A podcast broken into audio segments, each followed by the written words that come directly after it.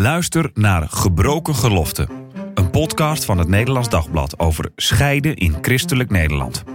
In deze podcastserie gaat journalist Daniel Gillissen vanuit zijn eigen ervaring in gesprek met experts en ervaringsdeskundigen, zodat jij begrijpt wat scheiden betekent en om scheiden onder christenen beter bespreekbaar te maken.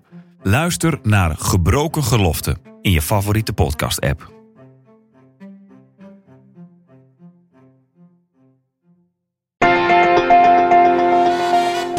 De Sekspodcast. Christenen over relaties, liefde en seks. Leuk dat je luistert. Mijn naam is Marien Korterink en in deze podcast praat ik wekelijks over relaties, liefde en seks. En deze week doe ik dat met relatiecoach Kokkie Drost. Goed dat je er bent, Kokkie. Dankjewel.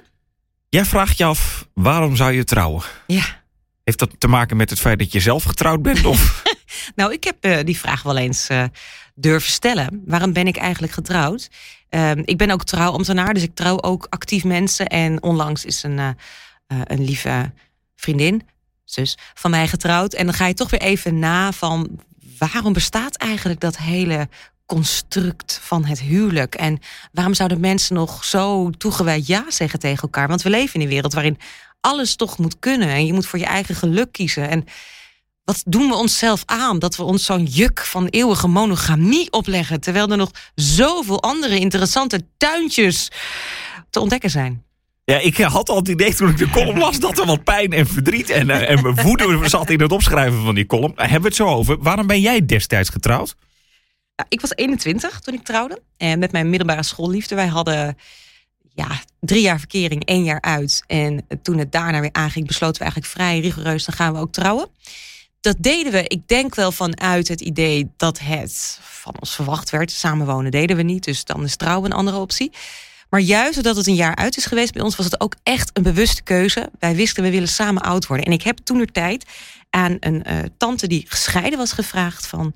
Um, waarom bent u toen de tijd getrouwd? En, en zij gaf reden als ja, ik was bang dat ik over zou blijven. Of ja, uh, deze man leek wel aardig. Uh, en ik dacht, ja, dat soort motivaties heb ik allemaal niet. En ik weet ook nog dat ik echt me realiseerde toen. Volgens mij gaan Nico en ik het later gewoon leuk hebben in het bejaardentehuis. Dat we gewoon nog dikke lol hebben met elkaar. En weet je wel, dat ik ook dacht, maar met deze man zie ik het leven wel, wel leuk zijn. En dat klinkt misschien als wat is dan weer wel, het is wel leuk met elkaar. Nu kan het met iedereen leuk hebben. Maar achteraf gezien was dat een hele belangrijke motivatie... waar ik heel blij van ben dat ik die ook heb meegenomen. Maar jij zegt nu over die, die tante die gescheiden is. Doe jij een beetje zo van mensen die, die dat soort motivaties hebben? Uh, ik, ik, bedoel, er zijn ook heel veel mensen die met diezelfde motivatie van jou gaan trouwen... maar ook gaan scheiden, zeg maar. Dus Jij ja, zegt een beetje van ja, zij was, ging op die manier trouwen. Dus het was logisch dat ze ging scheiden. Maar ja. nou, er zijn ook mensen met, nee, met goede intenties trouwen. Het is, het is alweer zo lang geleden, maar ik ben weer 20 jaar getrouwd. Maar ik kan me nog wel herinneren dat ik in dat gesprek met haar vooral ook merkte van weet je, waarden zoals um, weet je ook wat je zelf waard bent. Um, durf je je echt toe te wijden aan, aan één persoon. Want natuurlijk is echt niet altijd alleen maar leuk. Um, en tegelijkertijd is het ook heel belangrijk dat je elkaar wel echt heel erg leuk vindt. En dat had zij bijvoorbeeld niet eens. Zij had echt, ja, ja, mensen praten wel aardig over hem. En ik geloof zelfs dat zij ook nog als motivatie had van. Um, hij had haar uitgekozen boven andere vrouwen. En dat vonden ze dan toch wel bijzonder. Dus dat was voor haar ook een reden. Ja, weet je, dat was in haar, in haar tijd, dus ik denk wel 50 jaar geleden dat zij ooit getrouwd is. Um, maar ik vond het juist wel leuk om aan iemand die vraag te stellen die dus gescheiden was, die geen goed huwelijk had gehad. Maar nu klinkt het een beetje van mensen die dat soort motivaties hebben gaan scheiden. En mensen die zeggen van ik vind die andere echt heel leuk, die gaan nooit scheiden. Maar, maar jouw die, vraag was zijn geen aan mij waarom ik getrouwd was. Ja, dus ik ja, Maar garanties zijn er in die zin nee, niet, toch? die zijn er niet. Nee. nee. Um, wordt er nog steeds veel getrouwd? Hè? Ja. Of, of merk je dat het eh, minder wordt? Nou ja, ik weet niet hoe het was voor corona. Ik ben net voor corona trouwambtenaar ge geworden. Um, en juist omdat ze meer trouwambtenaren nodig hadden in de gemeente waar ik trouwambtenaar ben. Dus ja, ik denk dat er altijd nog wel getrouwd wordt. Ik vind zelf ook wel, um, na corona zijn mensen het wel echt aan het inhalen. En uh, ja, mensen maken er wel echt een feest van. Er wordt wel veel meer buiten gebaande paden gedacht. Mensen trouwen vaker bijvoorbeeld uh, snel op het stadhuis. En die maken later een hele mooie ceremonie ervan. Of uh, ze trouwen in meerdere dagen. Dat kan natuurlijk ook. Dus je ziet wel dat mensen veel ja, van hun trouwdag ook wel wat meer iets feestelijks maken. Volgens mij doen ze dat natuurlijk al wel jaren. Het is ook niet meer zo allemaal vertrouwen omdat het hoort.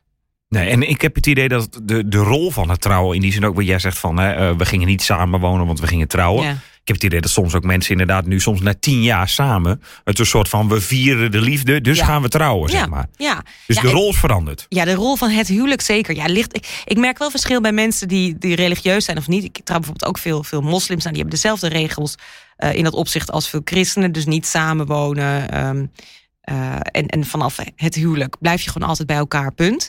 Ik, ik chargeer het even hoor, maar dat, dat, die Ja. overeenkomsten zie je nog wel veel. Dus vaak merk je wel dat religie daarbij echt wel een rol speelt als nu ben je getrouwd. En dat is een soort van eh, instelling die vanaf nu altijd op jou van toepassing is. Ehm, en daaromheen zie je inderdaad heel veel dat mensen veel bewuster de keuze voor elkaar maken. Ik vind nog wel, dat, daar komt mijn vraag vandaan. Of tenminste, waarom zou je nog trouwen? Hè, ik bedoel, je bent, ik stel die vraag ook altijd aan de koppels die ik trouw. Maar waarom ga je dan trouwen? Ik bedoel, Wat zeggen ze al- Ja, nou, de, de, de meest gemeenschappelijke deler is omdat ik met hem slash haar oud wil worden. Met hem of haar wil ik dit leven helemaal doen. Nou, vaak vind ik het dan altijd een hele mooie gelegenheid om even door te vragen van, ehm, maar wat verwacht je dan? Dat je altijd gelukkig wordt met elkaar. En ehm, ik vind het vaak ook wel een mooi ehm, ja, aanknopingspunt om juist op momenten dat mensen de keuze maken om te trouwen, even bewust te markeren. Dus ik noem in mijn speech ook altijd van dit moment dat je elkaar ja-woord geeft, is een, voor altijd een onderdeel van jullie geschiedenis samen. Dus je kunt hier ook naar teruggrijpen op momenten dat het minder gemakkelijk is. En ik denk dat dat, ja, waarom zou je trouwen? Dat dat, dat dat niet eens de vraag is. Ik snap wel dat mensen trouwen. Dat je dus echt denkt, met jou wil ik oud worden, met jou wil ik dit leven doen.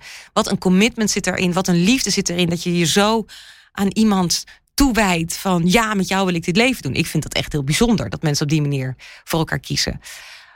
Maar verneinigen, dat was een mooi woord, vernenig, zit hem er juist in.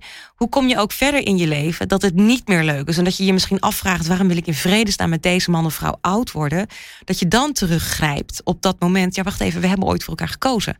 Wat niet betekent en daar heb je dus voor de rest van je leven maar mee te doen, want je hebt ooit je handtekening gezet. Dat, wat dat betreft ben ik blij dat dat niet meer de heersende gedachte is. Maar wel, wat wat mij betreft veel meer terug mag komen, is ga weer eens even terug naar waarom trouwde je met hem of met haar? Wat, wat voor een potentie zag je in elkaar? Waarom wilde je oud worden? En wat is er in vredesnaam gebeurd dat je je nu de vraag stelt... Waarom ben ik getrouwd? Ja, dat. Die vraag, waarom zou je trouwen? Dat roept bij mij ook direct de vraag op, wat, wat is het waard, zeg maar, in die zin? Want de dingen die jij noemt, nou, je kan teruggrijpen naar dat moment. Ja. Maar er zijn ook heel veel mensen die zeggen, joh, trouwen is niet het commitment. Een kind is een commitment. Of Ja. samen een huis kopen is een commitment. Of eh, als ik gewoon officieel ga samenwonen, Ja, eh, is- is dat geen commitment dan? Geregistreerd partnerschap. Ja, ja. Ehm, nou moet ik wel zeggen dat mensen die eh, geregistreerd partnerschap laten doen, dat vaak ook wel in zo'n zo'n ceremonie doen. Dus dat, dat, het is niet echt een heel groot verschil. Ik merk wel vaak, dat vind ik dan heel grappig, dat als ze dan tekenen, want geregistreerd partnerschap en huwelijk verschillen erin dat je eh, bij het huwelijk hardop ja moet zeggen. En dat dat al bindend is. En bij geregistreerd partnerschap moet je tekenen. En als je geregistreerd partners bent, kun je gemakkelijker uit elkaar als er nog geen kinderen zijn, tenminste, dan bij het huwelijk. Dus weet je, de waarde is gewoon Gelijk. ook aanwezig, ja. Maar je merkt wel dat mensen dan toch bij het trouwen nog zoiets hebben van ja, maar dan, dan, dan spreek je hardop voor de andere mensen uit dat je ook voor mij kiest. Dus daar zit inderdaad meer die waarde in van het vieren van je liefde. Ook aan andere mensen laten zien, we gaan voor elkaar. Niet omdat het romantische klefdoenerij is, maar ook een soort, nou ja, wat, dat woord wat vandaag dus veel valt. Het commitment, de toewijding die je voor elkaar hebt. Maar, even- het commitment zit er toch ook dan bijvoorbeeld in als je Nou, samen een kind hebt of, of een huis kopen. Of, Ja. Nou, weet je, het zijn eigenlijk twee losstaande dingen. Kijk, je kunt zeggen, ja, maar een kind is toch ook al een commitment. Hebben samen een huis kopen. Ja, dat ervaren veel mensen natuurlijk ook. Zeker is dat commitment. En ik ga ook niet zeggen, nee, dat telt niet. Pas als je je handtekening hebt gezet en het ja-woord hebt gezet, dan... eh, Ja, het is een belangenverstrengeling dan. Ja. ja, ja, ja. ik weet nog een leuke trouwambtenaar. Ja, nee, precies. Nee, nou, ehm, ik ben sowieso echt, ik ben echt voorstander van het, van het huwelijk, van, van trouwen, van op die manier ja, aan elkaar toewijden. Omdat daar dus ook zoiets in zit van als het later moeilijk wordt. Als het niet meer vanzelf gaat. Als ik me inderdaad afvraag waarom ben ik in vredesnaam met jou dit leven gaan doen. Dat je dan dus teruggaat naar wacht even, waar komt dit ooit vandaan? Waar, wat hadden wij? En ik zeg ook altijd wel, eh, want ik praat nou in de verleden tijd dat je dat moment natuurlijk eigenlijk voor moet zijn. Je, je moet je relatie levend blijven houden. En ehm, daarom is het ook hartstikke goed. In de Joodse traditie weet ik toevallig dat ze, als je getrouwd bent, moet je minstens één keer per jaar een huwelijk bijwonen. Zodat je zelf weer, weer realiseert waar je voor getekend hebt of ja tegen hebt gezegd, waar jij aan bent begonnen. Ik vind dat eigenlijk wel mooi. Een mooie traditie. Dus gewoon een, een bruiloft meemaken. Uh, de, de, trouwdienst of de huwelijksceremonie. Dan ga je toch al snel ook een beetje weer van... oh ja, hoe was het bij ons ook alweer? En ja, nou en je ziet soms mensen ook wel... dat vind ik wel, soms is dat wel, wel denk ik confronterend voor mensen die in de zaal zitten. Dan zie ik die ogen omhoog gaan, weet je. Dan, dan zijn ze aan het nadenken over... wacht even, wat zij hier nou zegt. Hoe is dat in mijn eigen leven verweven? Uh, ik krijg ook heel vaak, dat vind ik dan altijd zo lief, van mensen die al langer getrouwd zijn, die dan zeggen: Wat was dit? Een, het is wel heel erg. Uh, dat ik nou zit te pochen. Maar goed, ik vind het gewoon even mooi dat mensen dus die, die langer getrouwd zijn ook echt wel zeggen van wat is dit een, een, een waardevol verhaal. Het is niet alleen maar, oh wat leuk jullie gaan trouwen, jullie leren elkaar zo en zo kennen. Maar dat probeer ik ook echt altijd mee te geven. Van ja, wacht even. Um, hartstikke mooi dat je elkaar gelukkig maakt, dat je dol op elkaar bent, dat je elkaars goede eigenschappen ziet. Maar ik vind het nog van veel meer waarde dat jullie nu gaan laten zien wat liefde ook echt inhoudt. Dat je voor elkaar kiest terwijl het niet per se leuk is. Dat het leven je ook soms gewoon shit geeft. In de woorden van, uh, hoe heet die uh, leuke renjongen? Uh, Forrest Gump. Oh ja. Shit ja, happens, ja, erin geloof ik. Um, dat, dat, dat, maar dat, dat juist die meerwaarde van, maar wacht even, we zijn getrouwd. We hebben elkaar uh, beloofd dat we dit leven samen gaan doen. Dat je je dat ook even weer opnieuw realiseert. En weet je, er komen ook koppels bij mij die dus een kindje verwachten of een huis hebben gekocht. En die gewoon zeggen: ja, het is uh, gewoon veel Praktisch. handiger. Ja, Ja. praktischer om getrouwd te zijn. Of weet ik veel, ze gaan een wereldreis maken. Tuurlijk zijn die motivaties er ook. Maar dan wil ik altijd toch nog even doorgraven van ja, hartstikke leuk.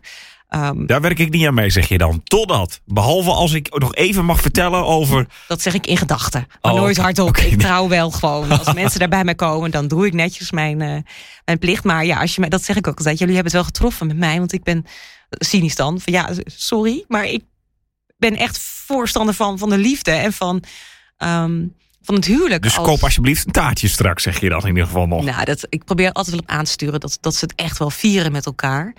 Ehm, omdat ik echt wel, en ik vind het ook zo mooi, weet je, dat, dat mensen op zo'n moment dan tegenover elkaar staan, elkaar aankijken en echt gewoon overtuigd zijn van ja, met jou wil ik dit leven gaan doen. Dat geeft mij ook altijd weer bemoediging. Ik, ik zie natuurlijk ook de andere kant van de relaties. Ja, weet je, mensen willen het gewoon echt heel erg graag goed hebben met elkaar. Je trouwt niet met het idee, nou, zien wel hoe het loopt. Nee, je, je trouwt met elkaar omdat je dus Nou, je- dat zeg jij nu, maar misschien zijn er ook wel mensen die. Ja. eh, wordt er ook wel getrouwd. Omdat je, wel, omdat je het nu leuk vindt en dat je wel ziet hoe het loopt. Ja, nou die vraag die krijgt ze van mij altijd. En dan weerleg ik dat ook altijd eh, ter plekke. Nee, maar zo wordt er wel door andere Ja. mensen wel gedacht misschien. Nee, dat ben ik helemaal met je eens. Kijk, en, en dan heeft, wat heeft dan trouw van meerwaarde? Ja, behalve dan een goed feest geven. En ik vind dus ook van, eh, want we kunnen altijd nog uit elkaar. Ja, ik, ik vind dat iets. Ja, je zit niet meer zoals vroeger voor eeuwig vast in dat huwelijk. Als een soort van kooi waar je nooit meer uitkomt. Ja, maar daar moet ik zo nog even over hebben. Maar vertel. kooi die het dan, hè? Ehm, maar trouwen met het idee, ja, we kunnen er altijd nog uit. Ik vind dat, dat een hele rare voorwaarde. Waar ik niet eh, voor zou willen Dat is geen commitment, vind jij. Nee. Daarover, die kooi. ja, Ja, in jouw column gaat het over dat dan iemand tegen die jongen zegt die gaat trouwen. Joost, je ligt nu aan de ketting. Vreselijk. En dat vind je vreselijk. Die hoor ik zo vaak. Je ligt nou aan de ketting, hè? oh, jongens, denk ik dan. Nee, daar gaan we weer. Ik kan er ook inmiddels eigenlijk niet meer netjes op anticiperen. Ik ben denk ik, als mensen een grapje maken tegenwoordig best wel een beetje lomp. oh, oh, oh, wat grappig. Nee, ik hou me in. Ik ben altijd in netjes in functie. Kan ik echt wel hoor, Marien. Ehm, maar dit is, ja, weet je, en ik, dit, verhaal, dit, eh, hij heet natuurlijk niet letterlijk Joost, maar het deed me denken aan, eh, dus aan een bruidegom die dit ook helemaal niet leuk vond. Hij voelde zich helemaal niet aan de ketting liggen.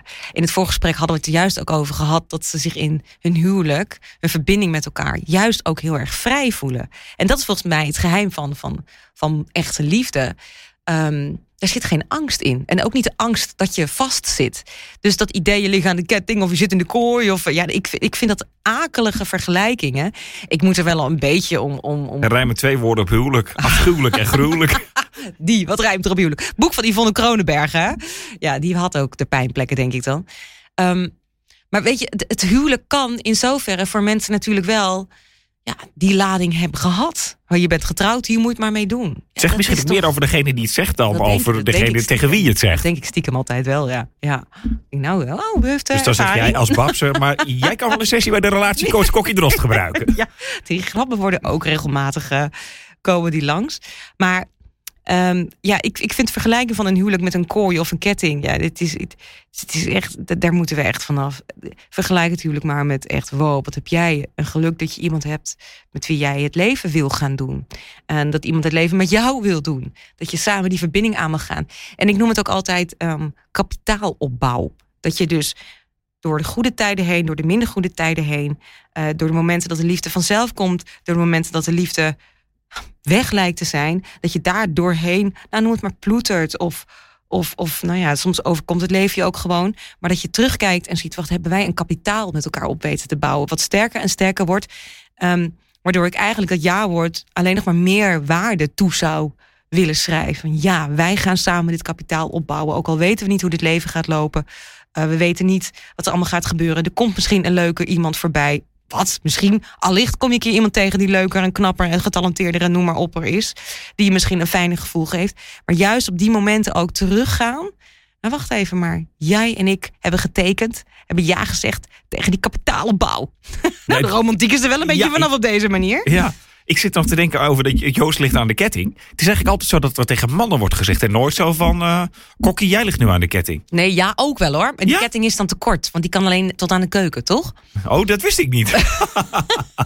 Waarom komt, eh, waarom komt de vrouw nooit in de woonkamer? Ja, de ketting gaat maar tot de keuken. Ken je die mop niet? Nee, nee. Ik zei ook op een bepaalde intonatie. Hij komt volgens mij uit de Betuwe. Althans, zo herinner ik hem. Maar is het zo dat er meer tegen mannen wordt gezegd ja, dan ja, tegen ja, ja, ja, toch wel. Omdat je Waar dan, komt dat dan vandaan? Je- het is, dat, dat, dat is een, een ander onderdeel voor een column. Dat je toch nog het idee hebt dat dan de, de, de vrouw thuis de baas is en die het voor het zeggen heeft. Weet je wel. Ja, ik, dat zijn ook van. En dat jij dus niet meer eh, met andere vrouwen kan chansen. En eh, dat je daarom Nou, aan de toch, ketting het- ligt. Ja. Ja, en het, misschien is het ook gewoon een beetje de grove mannenhumor. Vrouwen die zeggen dat, dat inderdaad minder vaak tegen elkaar. Hoewel ik ook wel eens vrouwen op zo'n manier een beetje hoor met elkaar. Ik bedoel, maar dit komt echt nog wel vanuit die standaard ouderwetse rolverdeling. Dat, eh, ja, dat de vrouw thuis de scepter zwaait en de man mag dan naar zijn werk. Wat zegt dat ook over iemand ook, hè? En ik, ja, ik vind juist echt dat we een nieuw pleidooi voor het huwelijk moeten gaan houden. Dat jij dus, dat is de, de meest veilige plek om je helemaal vrij te voelen. Het heeft niets te maken met kooien en kettingen. Dit kan trouwens ook een hele andere lading krijgen. Maar dit terzijde. eh, dat je dus je, je, je het gevoel hebt of dat er een angst is dat je dat je vastzit aan iets waar je je niet vrij in voelt. En die vrijheid blijven ervaren in je, in je relatie. Ja, dat weet je, dat, dat, dat heeft natuurlijk alles te maken met eerlijk zijn tegenover jezelf. Allereerst eerlijk zijn tegenover de ander. En dat gesprek gewoon altijd gaande houden. Ja, het is een cliché, maar het is gewoon echt ouderwets waar. En dan, Marien, Heb je de ultieme vrijheid. kun je nog wel eens heel lang en gelukkig leven. Dankjewel, Kokkie, voor deze week. Gedaan. De column van de Kokkie die zet ik natuurlijk weer in de beschrijving van deze podcastaflevering. En heb je nou ook een vraag over relaties, liefde of seks waar je graag een antwoord op wil? Of wil je hierop reageren? Mail je vraag dan naar podcast.nd.nl. Tot volgende week.